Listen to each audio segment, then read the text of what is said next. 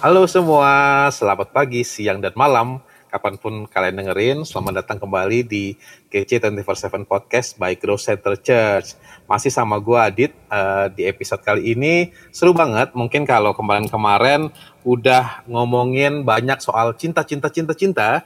Dari ngomongin soal uh, picky or wise sebagai jomblo, ngomongin love language, um, dan juga ngomongin soal um, bahasa kasih dalam keluarga dalam bentuk kritikan ataupun pujian.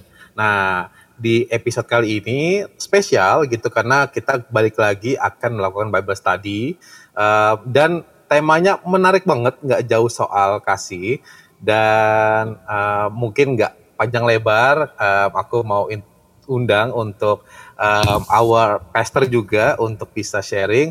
Uh, halo Pastor Monty. Halo Dit. Halo teman-teman semua. Wah ini kalau ngomongin cinta-cintaan sama Pastor Monty cocok sih nih kalau ngeliat kalau ngeliat Instagramnya Pastor Monty sama Kak Esther nih selalu cinta terus. Cinta terus ya. ada habis-habisnya deh ya. Uh, cinta ya. Iya buat buat yang jomblo jadi rasanya agak gimana gitu aku ya. uh, oh, uh, Pastor Monty, hmm. kita mungkin langsung masuk nih. Uh, okay. waktu waktu kita ngomongin soal kasih um, yang aku tahu kan memang um, mungkin kita sering sering identikan selalu kayak um, apa uh, love God, love people, komunikasi, yeah. terus gimana kita um, ekspresin itu dalam dalam lingkungan. Tapi mungkin um, uh, kalau aku pribadi ngerasa um, kita harus ngelihat kasih itu memang awalnya atributnya Tuhan sendiri gitu hmm. um, sebagai um, dia itu apa adanya. Nah, uh, Monty boleh nggak sih di di apa ya dijabarkan lah kira-kira dari menurut Pastor Monty secara Bible tuh harusnya seperti apa sih kita ngelihatnya soal kasih? Oke, okay, thank you Dit. Um, baik teman-teman semua ya, bicara mengenai kasih, uh, saya coba untuk berbagi dalam dua pandangan ya. Kalau dalam pandangan umum, kasih itu kan adalah perasaan ya, perasaan hmm. yang dimiliki oleh uh, setiap manusia. Nah, perasaan ini akan timbul kalau manusia itu mempunyai rasa memiliki dan uh, menyayangi. Nah, jadi kasih itu lebih bersifat rasa kepedulian seseorang tanpa ingin meminta imbalan ya atas apa yang dilakukan untuk yang dikasihinya. Makanya kan uh, dulu ada saya ingat ada lagu waktu saya kecil kasih ibu kepada beta gitu kan? Wow. hanya memberi tak berharap kembali gitu kan? Bicara tentang kasih itu kan? Nah oleh karena itu setiap orang yang mau uh, agar diri mereka dikasihi maka uh, mereka perlu merasa bahwa mereka itu dimiliki bahwa mereka itu merasa dikasihi. Nah makanya uh, semua orang kepengen ya punya uh, perasaan seperti itu. Tapi karena ada uh, rasa kasih yang melimpah itu maka kita bisa merasakan kebahagiaan yang apa ya kebahagiaan yang hakiki gitu ya. Nah tapi sebaliknya kalau kasih itu udah luntur uh, karena ada dendam karena ada kebencian ya uh, maka justru itu menghasilkan kehancuran pada suatu hubungan ya. ya. Hubungan itu bisa hubungan pertemanan, hubungan pacaran, hubungan hmm. dalam pernikahan, hmm. apalagi keluarga bisa jadi pecah, komunitas juga jadi hancur, masyarakat juga jadi saling uh, membenci satu sama lain bahkan sampai uh, antar bangsa gitu. Bangsa bisa akhirnya uh, keadaannya bisa jadi chaos. Hmm. Contoh kayak seperti uh, isu-isu rasisme yang sekarang ya lagi lagi marak banget tuh. Uh, berita-beritanya di sosial media seperti di Amerika ya ada kelompok yang uh, haters sama uh, orang kulit hitam, orang Asia. Uh, teman saya baru cerita dia tinggal di Qatar. Ya di sana pun juga sama gitu loh. Banyak orang-orang yang kata kata dia tuh uh, Katarian itu benci sama orang Asia Tenggara. Dan hmm. itu itu itu banyak uh, yang terjadi. Nah sekarang Uh, kalau bicara mengenai Alkitab sendiri, bagaimana sih kasih itu menurut Alkitab gitu kan? Kalau dilihat dari uh, pandangan Alkitab, kasih itu dalam pengertian manusiawinya atau ilahinya itu merupakan bentuk ungkapan kepedulian juga sih sebetulnya ya. Hmm. Jadi kalau di dalam pandangan Alkitab kasih itu merupakan elemen yang paling penting dalam hubungan pribadi yang begitu intim, yang begitu dekat Uh, dan di situ memiliki unsur memberi dan berkorban gitu. Jadi kasih dalam pandangan Alkitab itu memberi unsur, eh, mempunyai unsur memberi dan berkorban. Alkitab menggambarkan karakteristik kasih itu adalah yang di mana Paulus menulis kasih itu sabar, kasih itu murah hati, ya, kasih itu tidak cemburu, ya, dan lain sebagainya. Nah, kalau kita melihat uh, dari sudut pandang kasih itu sendiri, uh, memang uh, kita bisa bagi dalam beberapa jenis, Sidit, gitu loh. Hmm dalam beberapa jenis seperti uh, agave, filio, storge dan eros. Seperti itu sih hmm, hmm. pandangannya. Nah, uh, mungkin uh, kita sudah mungkin sudah sedikit akrab kali ya apa empat empat definisi kata itu. Boleh di refresh gak, uh, Pastor Monty? Empat itu um, secara definisi singkat uh, apa sih dan um, uh, apa namanya um, kira-kira contohnya um, dalam kehidupan itu uh, seperti apa? Secara singkat aja. Secara singkat ya, kalau uh, apa di dalam bahasa Yunaninya ya ada empat tadi ya uh, kata mengenai uh, pengertian tentang kasih itu dalam lingkup yang berbeda. Contohnya misalnya uh, storge. Storge uh, kata kerjanya dari stergein ya berarti uh, kasih mesra ya. Hmm. Kasih mesra uh, antara orang tua kepada anaknya gitu ya. Hmm. Begitu juga sebaliknya. Jadi kasih persaudaraan lah itu storge. Kemudian uh, ada lagi kata eros ya dari kata Yunani uh, yang kalau di dalam bahasa Inggris tuh apa sih dari erotika gitu ya di mana sebetulnya kalau yang kata eros ini nggak benar-benar kita temuin sih dalam perjanjian baru juga nggak ketemu ya. Hmm. Uh, tapi ini merupakan acuan dari banyak penggambaran tentang kasih. Jadi eros itu berarti gairah secara seksual ya. Hmm. Jadi um, nafsu birahi ya. Uh, begitu juga bicara mengenai uh, kenikmatan daripada gairah seksual maupun pemuasannya. Hmm. Artinya uh, kasih asmara antara pria dan wanita yang mengandung nafsu birahi gitu. Kira-kira seperti itulah. Memang uh, mengenai kata eros ini sekali lagi nggak benar-benar kita temukan secara letter luck itu di dalam Alkitab. Tapi kejadiannya dan atau perilakunya itu bisa bisa kita temukan. Contoh hmm. misalnya uh, bagaimana hubungan Simpson sama Delilah gitu hmm. kan hmm. yang ada rasa suka tapi dikuasai dengan hawa nafsu itu gambaran seperti itu. Wow. Nah kemudian ada lagi uh, filio ya itu adalah uh, kasih sayang antara apa ya pertemanan wow. uh, sahabat gitu ya antara sahabat gitu ya. Ya saya sama Adit sama Duta itu kalau kita bicara kasih kasih dalam hubungan pertemanan cara sahabat. Nah biasanya kasih ini uh, terjadi karena uh, apa ya dilakukan atau uh, dirasakan oleh pihak-pihak yang tidak ada hubungan darah. Uh, Kalau storge tadi ada hubungan darah kan, persaudaraan, okay, okay. adik kakak gitu kan, sepupuan, yeah. orang tua anak, anak orang tua. Tapi kalau yang filio enggak. Jadi kasih lebih kepada sekali lagi kepada friendship lah. Yeah, sahabatan. Yeah, yeah, yeah, yeah. Nah, ada satu lagi yang namanya agape gitu atau agapao ini adalah kasih yang tanpa perhitungan, tanpa uh, peduli orang macam apa yang dikasihinya gitu kan. Hmm, Nah, sering kali ada istilah disebut juga dengan kasih yang walaupun gitu. Oh. Ya, kasih yang walaupun walaupun dia jahat sama kita, kita tetap mengasihi. Walaupun dia benci sama gua, gua tetap mengasihi dia. Itu kasih agape. Nah, kalau di dalam uh, apa namanya uh, pembahasannya di dalam Alkitab itu ya memang bisa kelihatan agave sama filio itu jelas banget itu di dalam Yohanes 21 hmm. Ayat 15 sampai 17 itu bagaimana waktu itu ada pembicaraan antara uh, dialog antara Yesus dengan uh, Simon Petrus kan hmm. yang waktu itu Tuhan Yesus nanya Simon uh, apakah engkau mengasihi aku lebih daripada yang lain nah kata mengasihinya di situ Yesus pakai gunakan dengan kata uh, uh, pengertian agape agapao Hmm. Jadi apakah kamu mengasihi aku dengan kasih agape gitu kan? Hmm. Yesus ngomong gitu. Tapi Petrus bilang, ya Tuhan kau tahu saya mengasihi engkau. Nah kata mengasihi yang diucapkan sama Petrus itu adalah filio gitu loh. Hmm. Jadi Yesus menanyakan dengan lu mengasihi gua walaupun atau kasih tanpa syarat.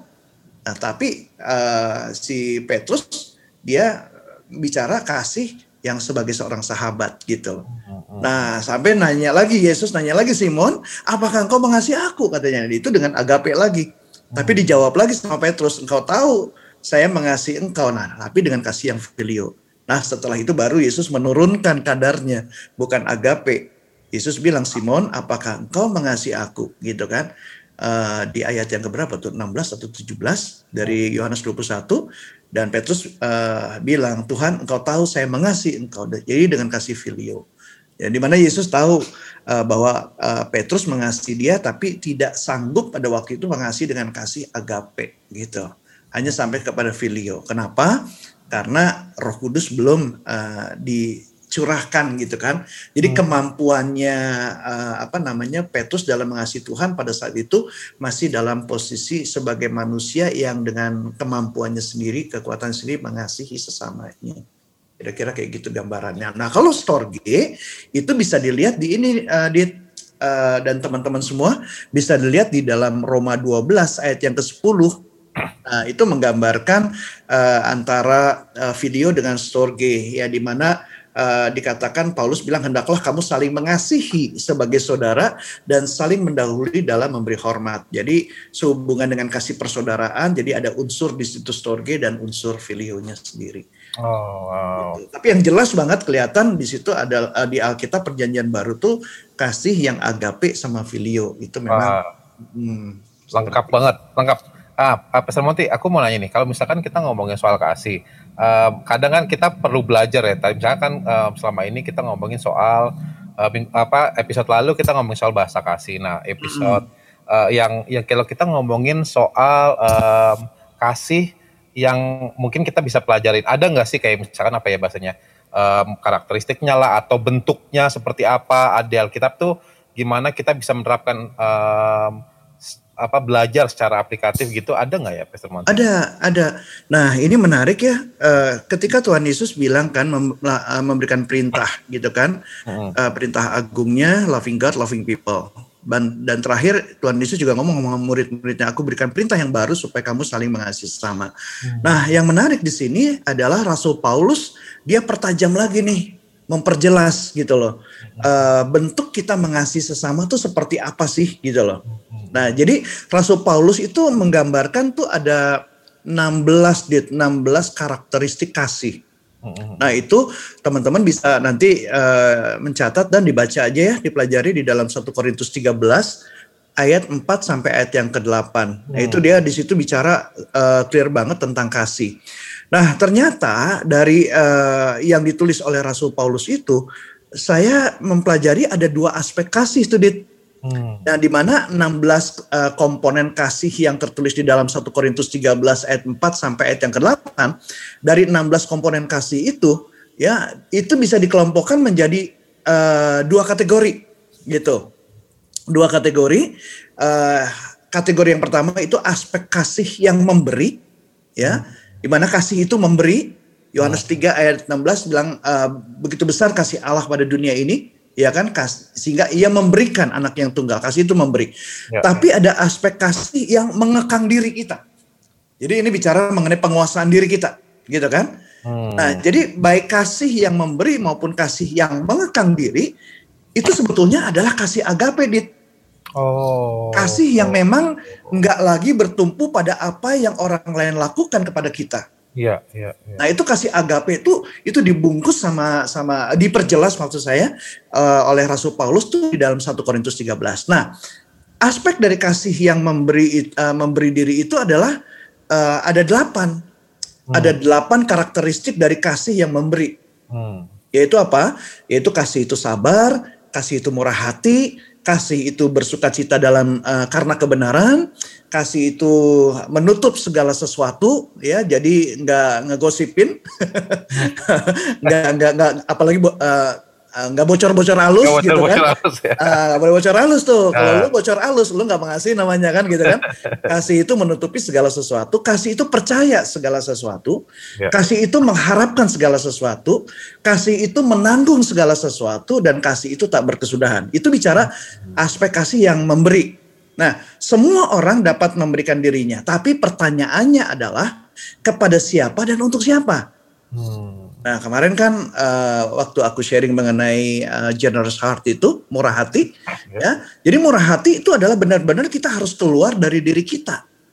melampaui uh, kemampuan kita yang sempit ini, ya, uh, memperluas diri kita dan akhirnya bisa memberikan diri kita kepada orang lain.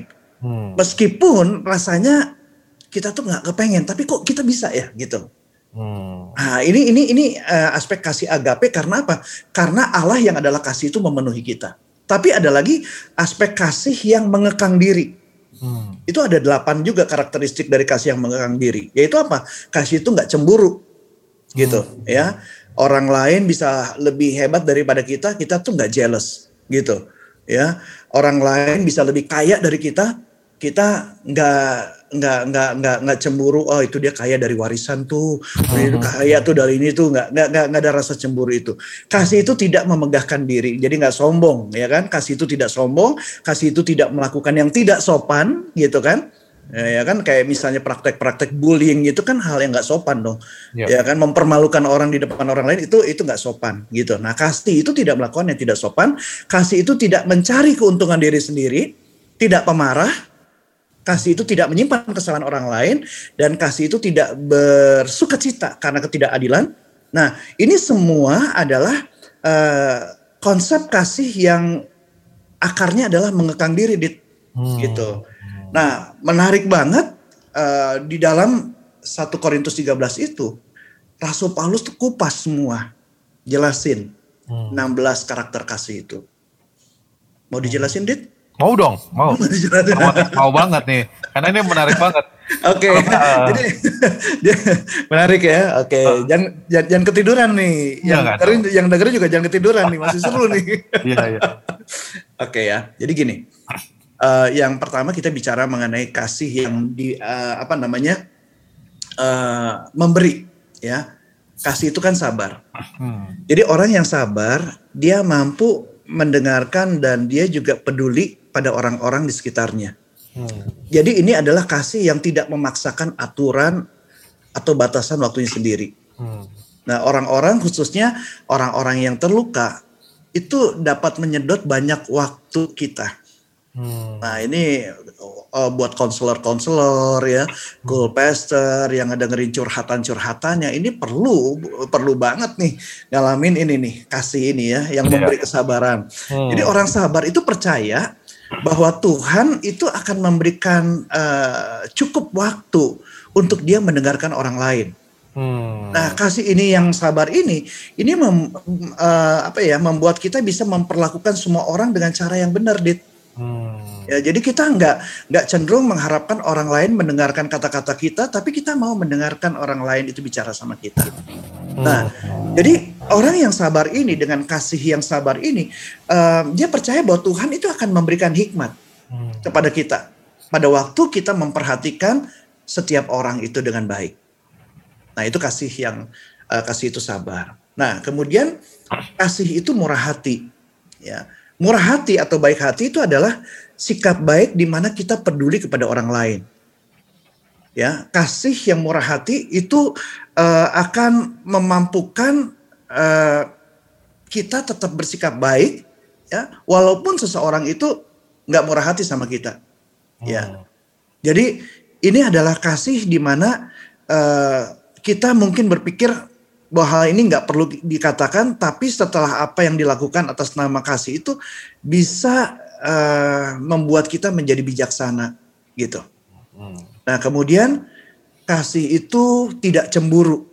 Hmm. Nah rasa cemburu atau rasa iri hati biasanya muncul saat orang lain uh, mendapatkan perhatian, hmm. ya. Sementara kita nggak nggak dapat perhatian. Nah saat kecemburuan itu muncul, kita harus mempertanyakan sebetulnya apakah ada kasih. Hmm. Nah, kasih itu tidak cemburu membuat kita menjadi secure, gitu. Kita menjadi aman, nggak masalah. Orang mau lebih baik daripada kita, mau lebih hebat daripada kita, nggak masalah, gitu. Yang masalah itu adalah kalau kita menjadi cemburu. Yang harus kita lakukan adalah kita tetap bisa memberi, gitu, memberi perhatian, memberi lain dan sebagainya dengan kita tuh tidak uh, cemburu. Nah ini ini ini fungsi yang lebih kepada mengekang diri kita kan? Yeah. Ya mengekang diri kita. Apalagi kalau kita ada di satu komunitas yang di mana uh, culture persaingan itu tebel banget. Itu dia. Kita butuh banget nih ini nih, ya, ya kan ya. kepenuhan kasihnya Tuhan supaya kita nggak cemburu. Kemudian kasih itu juga tidak memegahkan diri. Hmm. Jadi ketika seseorang memegahkan diri, maka objek pembicaraan itu akan jadi direndahkan dan dipandang sebagai alat untuk yang kita pakai gitu loh. Memegahkan diri kan berarti kita meninggikan diri sendiri kan, ya. merendahkan orang lain ya. Nah kasih itu tidak memegahkan diri dan ini akan membuat kita akhirnya jadi menjadi orang yang uh, apa ya bisa diterima ya. di setiap lapisan. Karena pada umumnya orang tuh nggak suka kan sama orang yang sombong. Hmm. Betul nggak? Ya. Nah, tidak meninggikan diri ya. Kemudian yang berikutnya adalah kasih itu tidak sombong. Ini bagian lagi daripada uh, apa namanya uh, mengekang diri. Karena kesombongan itu muncul ketika kita merasa lebih baik daripada orang lain. Nah, perbedaan memegahkan diri dari kesombongan adalah bahwa memegahkan diri kan berbicara tentang keberhasilan seseorang. Sedangkan kesombongan itu terdapat di mana? Di dalam pikiran. Nah, kesombongan akan mengeluarkan buah yang tidak diinginkan melalui pandangan, perilaku, komentar, ya, dan uh, perlakuan umum terhadap orang lain, gitu. Nah, jadi uh, kasih itu tidak sombong, ini mengkang diri sehingga kita bisa menghormati orang lain di atas keinginan pribadi kita. Gitu. Kesombongan itu mulai dari pikiran. Meninggikan diri, uh, memegahkan diri itu adalah kelakuan kitanya. Kemudian hal yang berhubungan lagi dengan aspek kasih yang mengekang diri adalah kasih itu tidak melakukan yang tidak sopan gitu. Ya, tindakan yang tidak sopan adalah satu tindakan yang yang yang aneh ya untuk menarik perhatian orang lain, hmm. perilaku yang aneh atau mungkin kasar ya untuk menarik perhatian orang lain gitu kan. Hmm. Nah, itu uh, merupakan satu hal yang melakukan yang tidak sopan ya. Tadi yang seperti aku share praktek-praktek kayak bullying gitu kan, uh, nyela-nyelain orang di depan umum, mempermalukan itu melakukan yang tidak sopan ya. Karena dia apa? Dia sebenarnya ini ingin mencari perhatian untuk diri sendiri gitu. Hmm. Nah ini adalah lawan daripada kasih. Nah, ketika kita bisa menahan diri, mengekang diri, ya, karena Roh Kudus memampukan kita, maka kita akan melakukan eh, hal-hal uh, yang uh, menyenangkan, tidak melakukan yang tidak sopan. Kemudian ada lagi kasih yang tidak mencari keuntungan diri sendiri. Hmm. Jadi ketika kita mencari kesejahteraan untuk kita sendiri, maka kita akan uh, menghalangi kemampuan kita untuk mengasihi. Hmm. Jadi kalau kita mau mencari keuntungan sendiri untuk kesejahteraan diri kita, untuk apa posisi kita, untuk uh, keuangan kita dan sebagainya, itu menghalangi kita untuk mengasihi. Nah hmm. justru uh, kasih harusnya mengusahakan kesejahteraan orang lain. Hmm. Makanya kita punya value uh, generous uh, church gitu loh. Karena kita mau menjadi pribadi, menjadi gereja yang mau mengusahakan kesejahteraan orang lain. Hmm. Nah, jadi kalau kita masih lebih mementingkan diri sendiri, maka kita akan memberikan perlakuan istimewa bukan pada orang lain tapi pada diri sendiri. Nah, bahkan kita bisa terjebak dengan apa berbohong, berlaku curang gitu kan dan lain sebagainya. Kemudian yang berhubungan lagi dengan uh, aspek kasih yang mengekang diri adalah kasih itu tidak pemarah. Ya, uh, kasih itu nggak gampang terpancing dengan amarah, uh, kasih itu nggak pura-pura lalu mudah berubah. Ya sebentar baik gitu kan tapi tiba-tiba dia bisa berubah lagi gitu kan. Seseorang yang gampang marah uh, adalah seseorang yang uh, merasa tidak nyaman dengan kehidupan sih kalau menurut saya gitu kan. Dia nggak merasa nyaman dengan kehidupannya jadi gampang tersinggung ya harga dirinya gitu. Tapi kalau uh, kita bisa menahan uh, amarah ini maka kita bisa uh, dikatakan mempraktekkan kasih yang agape itu ya. Nah, kemudian juga uh, kasih itu tidak menyimpan kesalahan orang lain. Rasul Paulus menulis ini karena uh, kita semua juga punya potensi melakukan kesalahan, ya. Tidak menyimpan kesalahan berarti uh, kita tuh cepat mengampuni orang lain.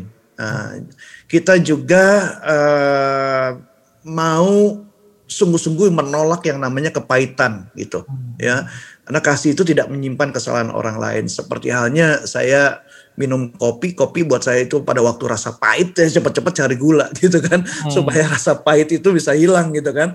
Buat orang yang minum kopinya suka yang agak manis-manis. Jadi kasih itu tidak pahit hati gitu loh. Nah itu kita bisa bisa bisa lihat uh, bagaimana dengan ucapan-ucapan kita selama ini.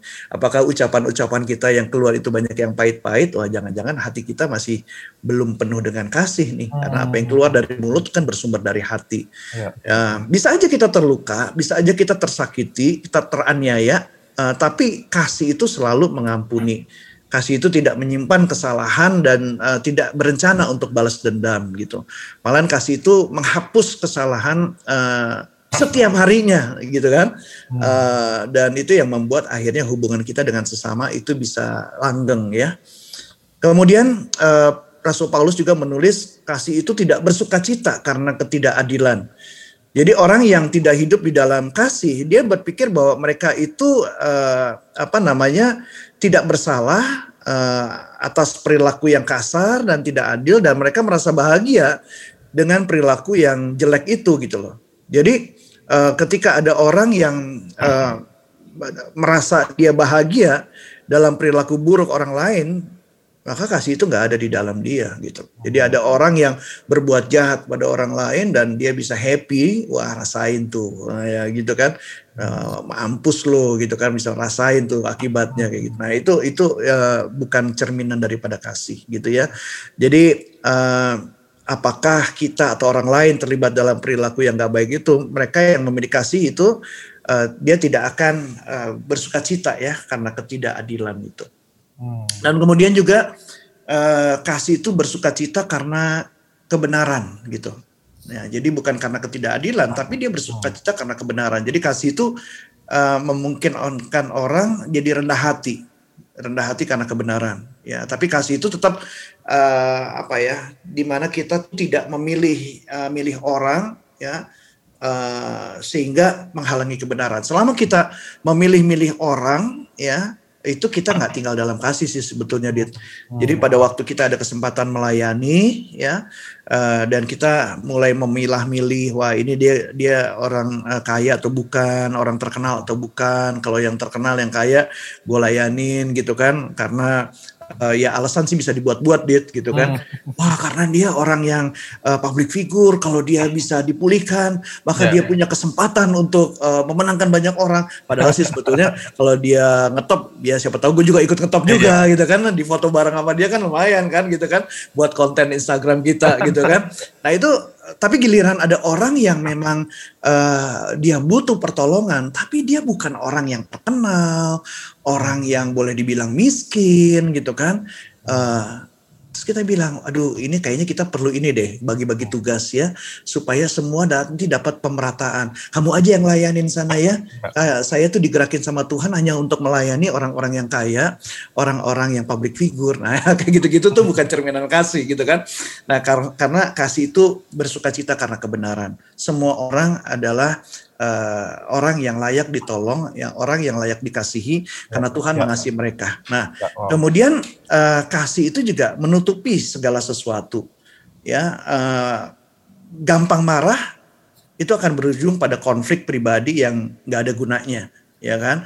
Nah, dengan menanggung segala sesuatu gitu kan, menutupi segala sesuatu, menahan kekasaran, menahan apa ya, kebobrokan moral, maka itu akan uh, membuat uh, kehidupan seseorang itu akan begitu indah karena itu adalah cerminan dari kasih. Jadi menutupi segala sesuatu, jadi nggak nggak nggak nggak jadi gosiper gitu ya, ya, ya. tapi jadi worshipper gitu, karena dia mau menutupi segala sesuatu. Kemudian kasih itu percaya segala sesuatu. Jadi betul-betul mencari Tuhan untuk memohon pertolongan, memohon uh, kekuatan gitu dari Tuhan. Uh, itu adalah cerminan daripada kasih dan kemudian uh, Rasul Paulus juga menuliskan bahwa kasih itu mengharapkan segala sesuatu. Jadi kasih itu bukanlah satu hayalan buta, tapi itu betul-betul adalah sesuatu yang bisa kita uh, alami hmm. melalui kesetiaan gitu loh. Jadi kasih itu hidup dalam pengharapan kita kepada Tuhan karena kita mengharapkan sesuatu dari Tuhan. Bahwa hanya karena anugerah Tuhanlah maka kita bisa dimampukan untuk tetap bersinar sekalipun di sekeliling kita tuh gelap gitu ya. ya. Karena kita mengharapkan segala sesuatu dan kasih itu menanggung segala sesuatu Paulus bilang. Jadi kasih itu sanggup bertahan karena kasih Allah yang ada di dalam Kristus gitu loh. Hmm. Jadi ketika kita uh, melayani, kita mau menjangkau orang-orang yang bermasalah, orang-orang yang tidak mempunyai satu hubungan yang baik dengan Tuhan dan dengan sesama, tetapi karena kasih itu kita mau menanggung segala sesuatu itu, walaupun hmm. tantangan ada, ya walaupun kita mungkin disalah mengerti, tapi karena kasih Allah itu kita mau tanggung itu semua. Hmm. gitu kita mau uh, melakukan tetap kita konsisten untuk tetap mengasihi sebagaimana Yesus katakan berbahagialah orang yang membawa damai karena dia akan disebut sebagai anak-anak Allah hmm. nah jadi bagaimana kita membawa damai dengan mengasihi hmm. ya walaupun dalam kondisi yang gak ideal kok bisa ya karena Tuhanlah yang memampukan kita hmm. dan uh, sebagai uh, apa bentuk daripada aspek kasih itu yang memberi ya uh, Paulus menulis kasih itu tidak berkesudahan jadi nggak ada rentang waktu untuk kasih Allah. Oke, kamu akan menerima kasih Allah hanya sampai umur 50 tahun. Di atas 50 tahun ya sudah selesailah kasih Allah ya. Enggak, enggak gitu. Jadi nggak ada rentang waktu, nggak berkesudahan. Ya, kasih itu uh, tidak berhenti ya. Bahkan dikatakan uh, love never fails. Kasih itu nggak akan pernah gagal karena kasih itu nggak berkesudahan, kasih itu nggak berhenti saat matahari terbenam gitu kan, dimulai lagi nanti uh, besok pagi akan lagi ada kasih lagi enggak. Kasih ilahi itu akan terus ada dan akan menembus waktu dan kekekalan, hmm. gitu. Wow, lengkap banget, Pastor Monty. Uh, um, ini ini mungkin apa buat yang dengar, aku bahkan mungkin nanti kayak perlu apa um, ulang-ulang lagi kali ya kayak yang pertama ini dicatat hmm. apa gitu. Karena itu benar-benar mungkin satu hal yang um, kalau buat aku pribadi um, um, baru dalam artian kayak oh iya ya um, kita itu perlu ngelakuin ini ini dan ini ini dan ini dan ini itu baru kita bilang kita mengasihi gitu. Jadi banyak cara untuk mengasihi. Nah um, Pastor Monty ini mungkin jadi pertanyaan terakhir. Um, how do we gain love. Maksudnya gimana sebenarnya godly love itu bisa kita terima? Apakah apa apa sih yang harusnya manusia lakukan? Karena kan um, kayak tadi kita mungkin nggak selalu ada di posisi 100% bisa menerima kasih.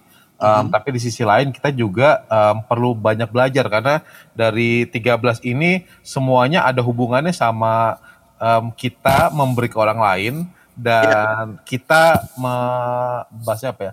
Tadi Om Monti bilang kita menahan diri kita, mengekang gitu. diri kita mengekang ya. diri kita.